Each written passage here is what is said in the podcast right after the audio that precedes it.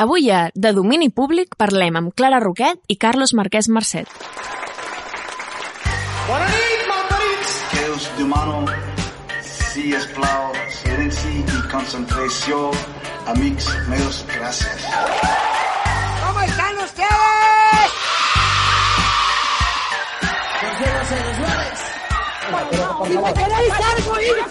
Sou molt bona gent.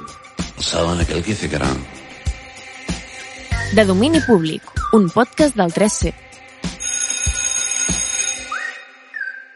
Sabies que els teus artistes preferits també tenen artistes preferits?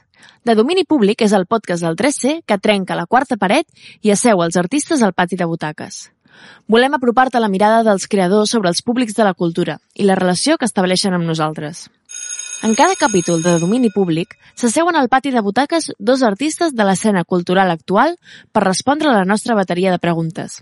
I després, a la secció de l'anecdotari, l'Elisenda ens recuperarà fets curiosos sobre públics, que malgrat que ella es pensa que ningú els coneix, són de domini públic.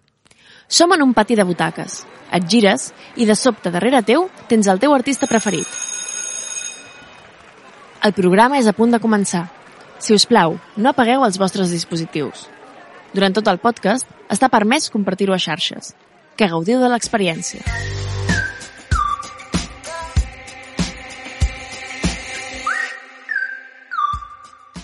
Elisenda, bon dia. Com estàs? Hola! A veure, qui ens ha respost avui la bateria de preguntes? Doncs avui el programa va de dos guionistes i directors de cinema que una vegada van formar un tàndem perfecte creant dues de les millors pel·lícules catalanes dels darrers anys.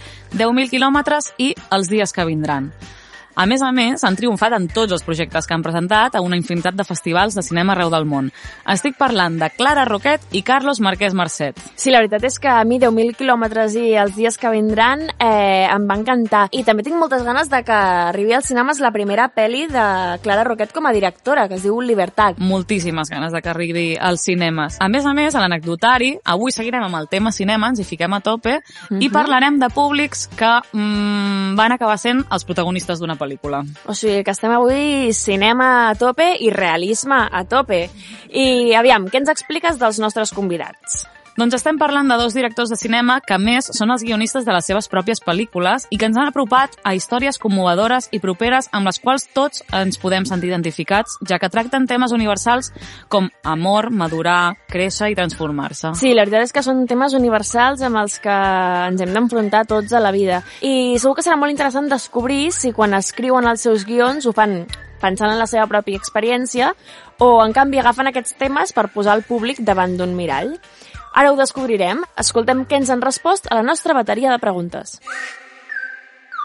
Clara Roquet és una directora i guionista que, tal com hem comentat abans, signa els guions de 10.000 quilòmetres i els dies que vindran amb Carlos Marquès Mercet. I que ha presentat el seu primer llargmetratge, Libertat, ni més ni menys que la Setmana de la Crítica del Festival de Cannes. Diríem que no ha pogut tenir millor espai per presentar la seva primera pel·lícula. Quina és la seva visió sobre els públics? Comencem! Has arribat a algun tipus de públics que no t'esperaves i t'hagin sorprès? La veritat és que sí. Em va sorprendre molt quan, quan es va estrenar l'Adiós que el públic eh, que es va mostrar com més entusiasta amb el curt van ser dones de 60 a 80 anys.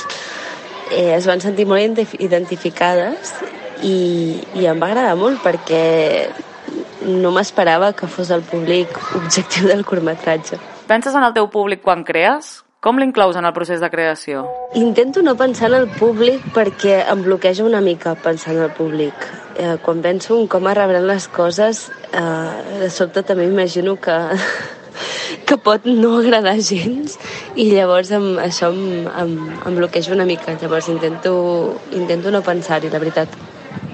Però sóc molt conscient de que hi ha un públic i de que, per exemple, hi ha coses com, com l'emoció d'una història uh, o l'arc emocional dels personatges que crec que quan estem tan obsessionats amb, amb que l'arc funcioni o que l'emoció estigui allà és perquè en el fons estem pensant en el públic. Com gestiones les teves xarxes socials per estar en contacte amb els teus públics? Fins fa dos dies que l'Helena Martín em va convèncer de, de posar públic al meu Instagram no, eh, no tenia cap xarxa social pública. És a dir, no, no feia cap gestió de, de xarxes socials, més enllà de Twitter, que em baso molt en retuitejar coses, eh, bàsicament per intentar fer com la màxima propaganda o difusió de, per exemple, visionats de, dels meus curs o de les pel·lícules del Carlos o pel·lícules que hagi escrit, no? per intentar que la gent sàpiga quan, quan es projecten i que, que hi puguin anar. Quina és la millor crítica que has rebut? I quina és la teva experiència amb els haters? La millor crítica que he rebut crec que ha sigut quan algú s'ha emocionat. Um, la veritat, no, no, no recordo cap crítica de cap crític perquè suposo que som molt intel·lectuals i al final recordem lo emocional i sí que recordo no, una, una dona dient-me que havia viscut una història molt similar amb la, després de la mort de la seva mare a El Adiós i, i que s'havia passat la, tot el curt plorant i que l'havia fet reflexionar molt. Jo crec que, que el fet de que algú reflexioni o vegi el món com una miqueta diferent després de veure alguna cosa que he fet em sembla profundament meravellós i satisfactori. Els públics som actius i no tenim una mirada neutra. Ens relacionem amb l'obra que observem. Quines reaccions t'agrada despertar en els teus públics? Crec que el que m'agrada pensar és que puc despertar alguna reacció.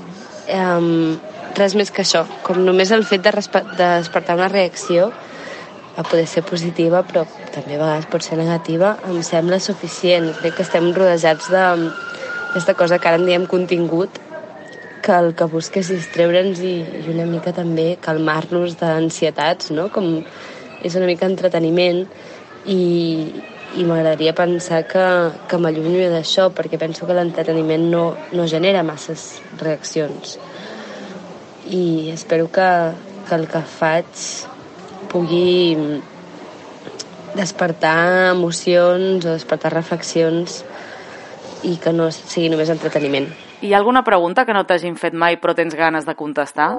Ara no se m'acudeix cap pregunta que no m'hagin fet mai. Suposo que no, no me la puc imaginar. Sí que és veritat que no solen demanar tant per al procés creatiu del guió i jo com a nerd del guió m'agrada molt parlar del procés creatiu i solen, solen preguntar-te per coses com més lluentes que això, no? Llavors, estaria bé que ens preguntéssim més per al procés creatiu perquè és un procés molt dur i difícil i passes per moltes coses i també és molt interessant. A l'hora de consumir cultura, quins són els teus plaers inconfessables? no crec que siguin inconfessables, però m'agrada molt quan estic estressada sempre, sempre, o en plan ansiosa, sempre torno a mirar Anatomia de Grey. I... Però bueno, és una bona sèrie, jo què sé. I Modern Family, amb la meva mare, total. El propi creador també és públic. A qui t'agrada aplaudir?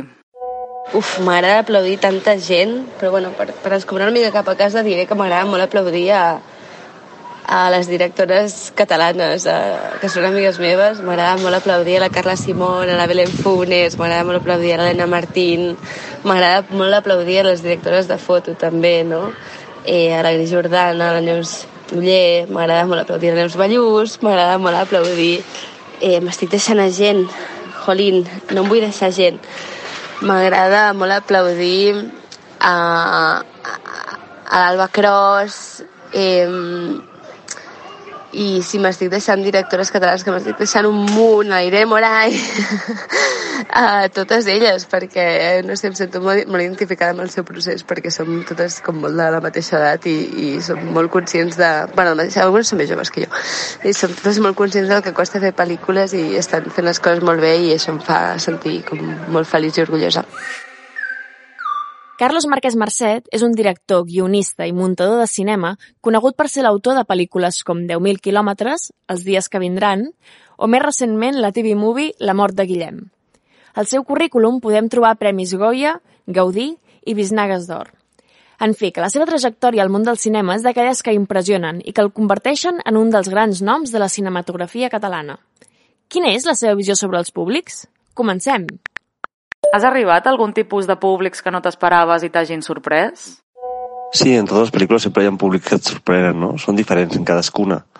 no recordo un 10.000 quilòmetres, per exemple, que hi havia molta gent, molts migrants que, que van anar a veure la pel·li perquè se sentien molt identificats amb el tema de la distància i tenir la teva família lluny i una pel·lícula així els va, els va connectar molt eh, o amb els dies que vindran recordo molt eh, diversos nens.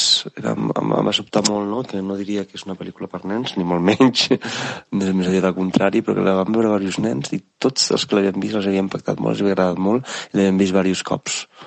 Uh, no sé, em va sorprendre bastant, la veritat, i és molt d'agrair. Penses en el teu públic quan crees? Com l'inclous en el procés de creació?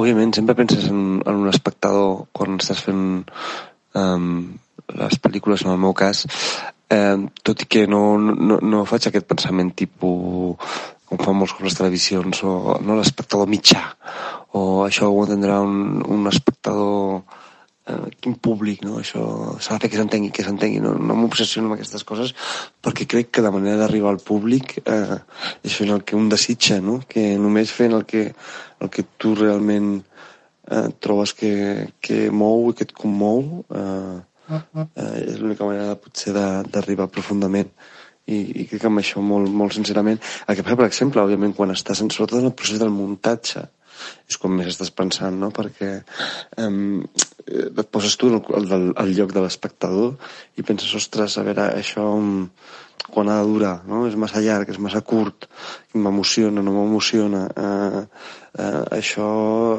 està molt obscur i no estic portant l'espectador de la mà. Eh, I crec que per mi, el, el, el, òbviament en tot el procés, però el, el procés del muntatge és on, on la idea d'un espectador és, és més clau en el meu cas. I, i sí que això que, que sempre penses, no? que, que, però clar, és un espectador molts cops ideal, no? I després sempre tinc, sempre tinc alguns amics que no, que no tenen res a veure amb el cinema, eh, que són espectadors purs i durs, amb els que sempre consulto i els hi pregunto, són gent sensible, òbviament, però que m'agrada molt veure el seu, el seu punt de vista quan estic treballant.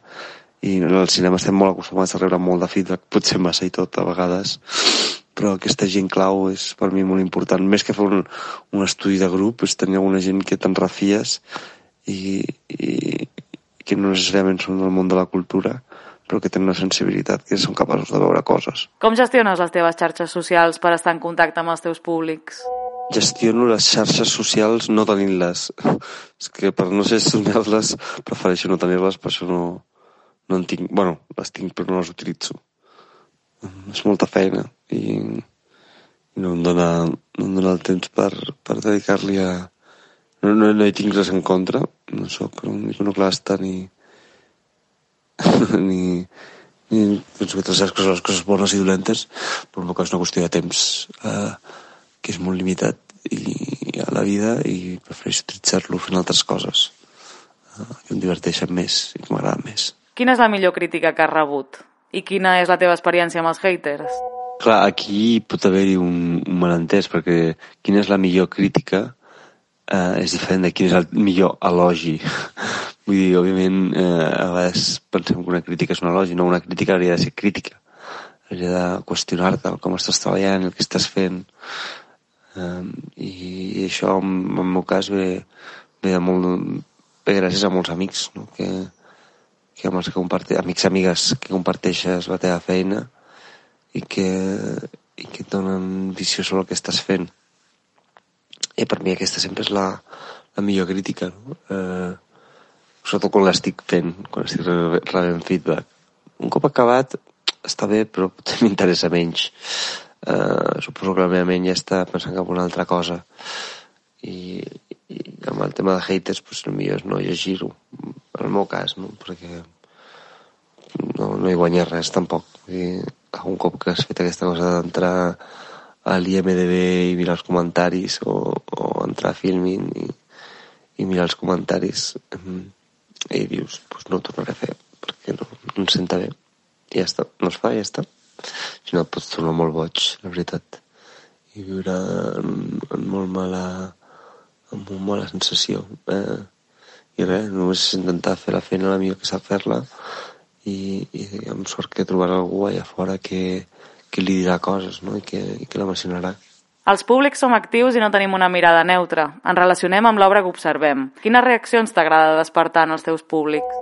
A mi una cosa que m'agrada molt que és que el cinema m'ensenya de la vida. Vull dir, ja pot ser una pel·lícula de pirates eh, o una pel·lícula de gàngsters que quan les miro aprenc de la vida, de coses que m'emporto jo per, per mi mateix, eh, per entendre, per veure el món d'una manera diferent. Um, i, això és el que m'agrada, les reaccions treure amb el públic, no? I sí que és una cosa que em sento molt afortunada perquè tinc això cada cop que he fet una pel·lícula que la gent després em diu ostres, vam anar al bar i vam estar una hora parlant, discutint sobre, sobre què era el que havíem vist, sobre si aquest, no? sobre si... Crear aquesta sensació m'agrada molt on, on, on entens tots els personatges no? que apareixen a la pel·lícula. Els personatges per mi em semblen, em semblen un mitjà per parlar de moltes coses, per, per ensenyar una visió del món i, i sempre es produeix aquest debat que m'agrada molt, no sempre, però moltes vegades, on, on una gent, no, com, com entén un personatge i una gent entén un altre, i el fet de posicionar-te en un personatge eh, fa que entenguis coses de tu mateix i, i a confrontar-ho amb un altre personatge que entén l'altre personatge a generar aquest debat i aquesta trobada, no? Que sempre m'obsessiona a mi, el tema que m'obsessiona és, és la dificultat d'entendre l'altre, no? I, I com a tal, pues, el fet de generar aquest debat entre les persones per mi és el, el meu somni, no? Que, que després eh, es pugui parlar de, de cadascú d'una manera íntima, no? no? no temàtica de, ai, anem a parlar sobre aquest tema, sinó sobre algú que, sobre un posicionament que t'obliga a posicionar-te al món. I en aquest sentit penso que és un cinema, un cinema polític que t'obliga a posicionar-te al món. A l'hora de consumir cultura, quins són els teus plaers inconfessables? La veritat és que plaers inconfessables no tinc perquè els que tinc em sento orgullós, no tinc cap problema en dir-los. Eh, però suposo que hi ha gustos que potser no són els que s'esperen d'un mateix, la gent. Eh, M'agrada molt el reggaeton, soc molt fan des del, dels orígens de l'underground, eh, a Puerto Rico, eh, Bad Bunny, J Balvin, eh, m'encanta molt. El, el més comercial i tot m'encanta. Molt fan del reggaeton. I, no sé, també hi ha moltes pel·lícules. Eh? Soc molt fan de, de, de les pel·lis de Socorro i Abrams, de Trita como puedas. Eh, y especialmente la, la primera, Top Secret, són pel·lis que soc ultra fan. I, no sé, no sé si hi ha molts així frescs que diguis, quina vergonya. Bueno, després m'encanta veure les pel·lícules de Pixar als avions i sempre ploro. Perquè he trobat que si les miro al cine o així no m'emocionen tant. Però quan miro una pel·li de Pixar l'avió, algú està tancat allà dalt i tot, em fa plorar moltíssim. Em passo tot el viatge plorant i m'agrada molt aquesta sensació. Llavors, mmm, recomano molt mirar pel·lícules de Pixar als avions. El propi creador també és públic. A qui t'agrada aplaudir? A mi m'agrada aplaudir aquella gent que intenta fer coses, que s'arrisca. Eh, més una obra perfecta i acabada, m'agrada quan veig algú que està intentant traspassar els seus límits, eh, eh, recercar un, algun, alguna cosa sobre el llenguatge, intentar parlar d'alguna cosa que no sap com parlar-hi, encara que fracassi. Eh, m'agrada molt veure això.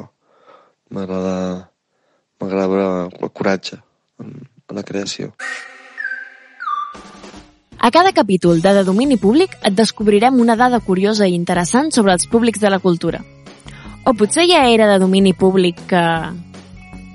L'anecdotari. Doncs seguint amb el món del cinema, avui t'explicaré la història d'una pel·lícula protagonitzada per un entrepà. Eh, què? Un entrepà o, o un d'aquests actors o actrius que, que diguem que transmeten menys que un tros de pa de motlla? A veure, aquest tema donaria, però per un altre anecdotari. Sí. En aquest cas parlo d'un entrepà que va ser protagonista d'una pel·lícula. Bé, un entrepà i un famós youtuber. Vale, Elisenda, ara ja no sé si tinc curiositat o simplement tinc gana. Porto una gran anècdota que no va passar a Hollywood ni a cap lloc exòtic ni està protagonitzada per famosíssimes celebrities. Una història nostrada que va passar no fa gaire temps al Festival de Sitges. Vale, som-hi. Doncs imagina ser un dels youtubers més importants del país i presentar la teva primera pel·lícula a un dels millors festivals de cinema del món com és el Festival de Sitges. Tens un auditori ple de gent esperant la projecció, un ambient festivalero, embogit com el que es viu a Sitges, Comença la pel·lícula i el que es veu és una única escena repetida en bucle durant una hora on diversos youtubers entren a un bar i demanen un entrepà. És una mica com la pel·li aquella del, del Bill Murray de- d'Atrapat en el temps, no? Totalment. Tot semblava una mena de dia de la marmota sense sentit que va provocar des de la sorpresa inicial a la indignació del públic, passant per una esbroncada i crits furiosos dels assistents. Comprensible, d'altra banda. És molt comprensible. De tot això, mentre la gent gravava amb el mòbil el que estava passant i càmeres professionals enregistraven el públic. Eh, aviam, com que hi havia càmeres enregistrant el públic? Doncs resulta que, passats 60 minuts de la mateixa escena de Bocadillo, Quizmichu, el youtuber del que estem parlant, i el seu equip, van aparèixer a l'escenari i van anunciar el que realment estava passant. Vosaltres sou la pel·lícula, va dir el youtuber. O sigui que Bocadillo era una gran broma o trolejada, com diria la gent a les xarxes, que ha marcat un abans i un després al festival. Què penses d'aquesta història, Laura? Creus que va ser una provocació o una performance artística? Uf, jo t'he de dir que ha passat temps, però, però que encara no ho tinc clar. Mm, No, és, és difícil. És molt no? difícil, o sigui, va, va crear moltíssim, moltíssim debat. Sí, sí, molt rebombori. La veritat és que has aconseguit portar una història on realment i literalment el públic acaba sent el protagonista. mai, mai tan literalment, no? Exacte. Doncs sí, encara se'n parla d'aquesta projecció del Festival de Sitges i tothom la recorda. Jo no vull dir aquesta frase perquè em fa una mica de ràbia. Però ja t'ho dic jo, si vols, que aquesta història, Elisenda, era de domini públic. La veritat és que sí, a més el Festival de Sitges sempre és una mina de- d'anècdotes fantàstiques, fent, fent honor al seu nom. Però bueno, Elisenda, moltes gràcies per aquesta anècdota fantàstica i fins al proper capítol. Moltes gràcies. I ara acabem fent el que millor sabem, gaudir entre el públic de la música, amb La insoportable levedad del ser rico, de Chaqueta de Chandal.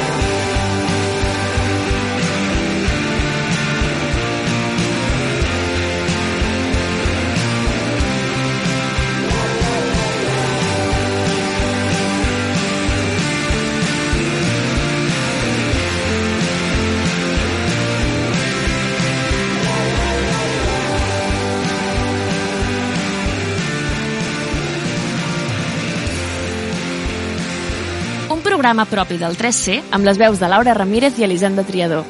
Ideat i creat per Blanca Esteve, Vanessa Mingo, Laura Ramírez, Anna Requejo i Elisenda Triador.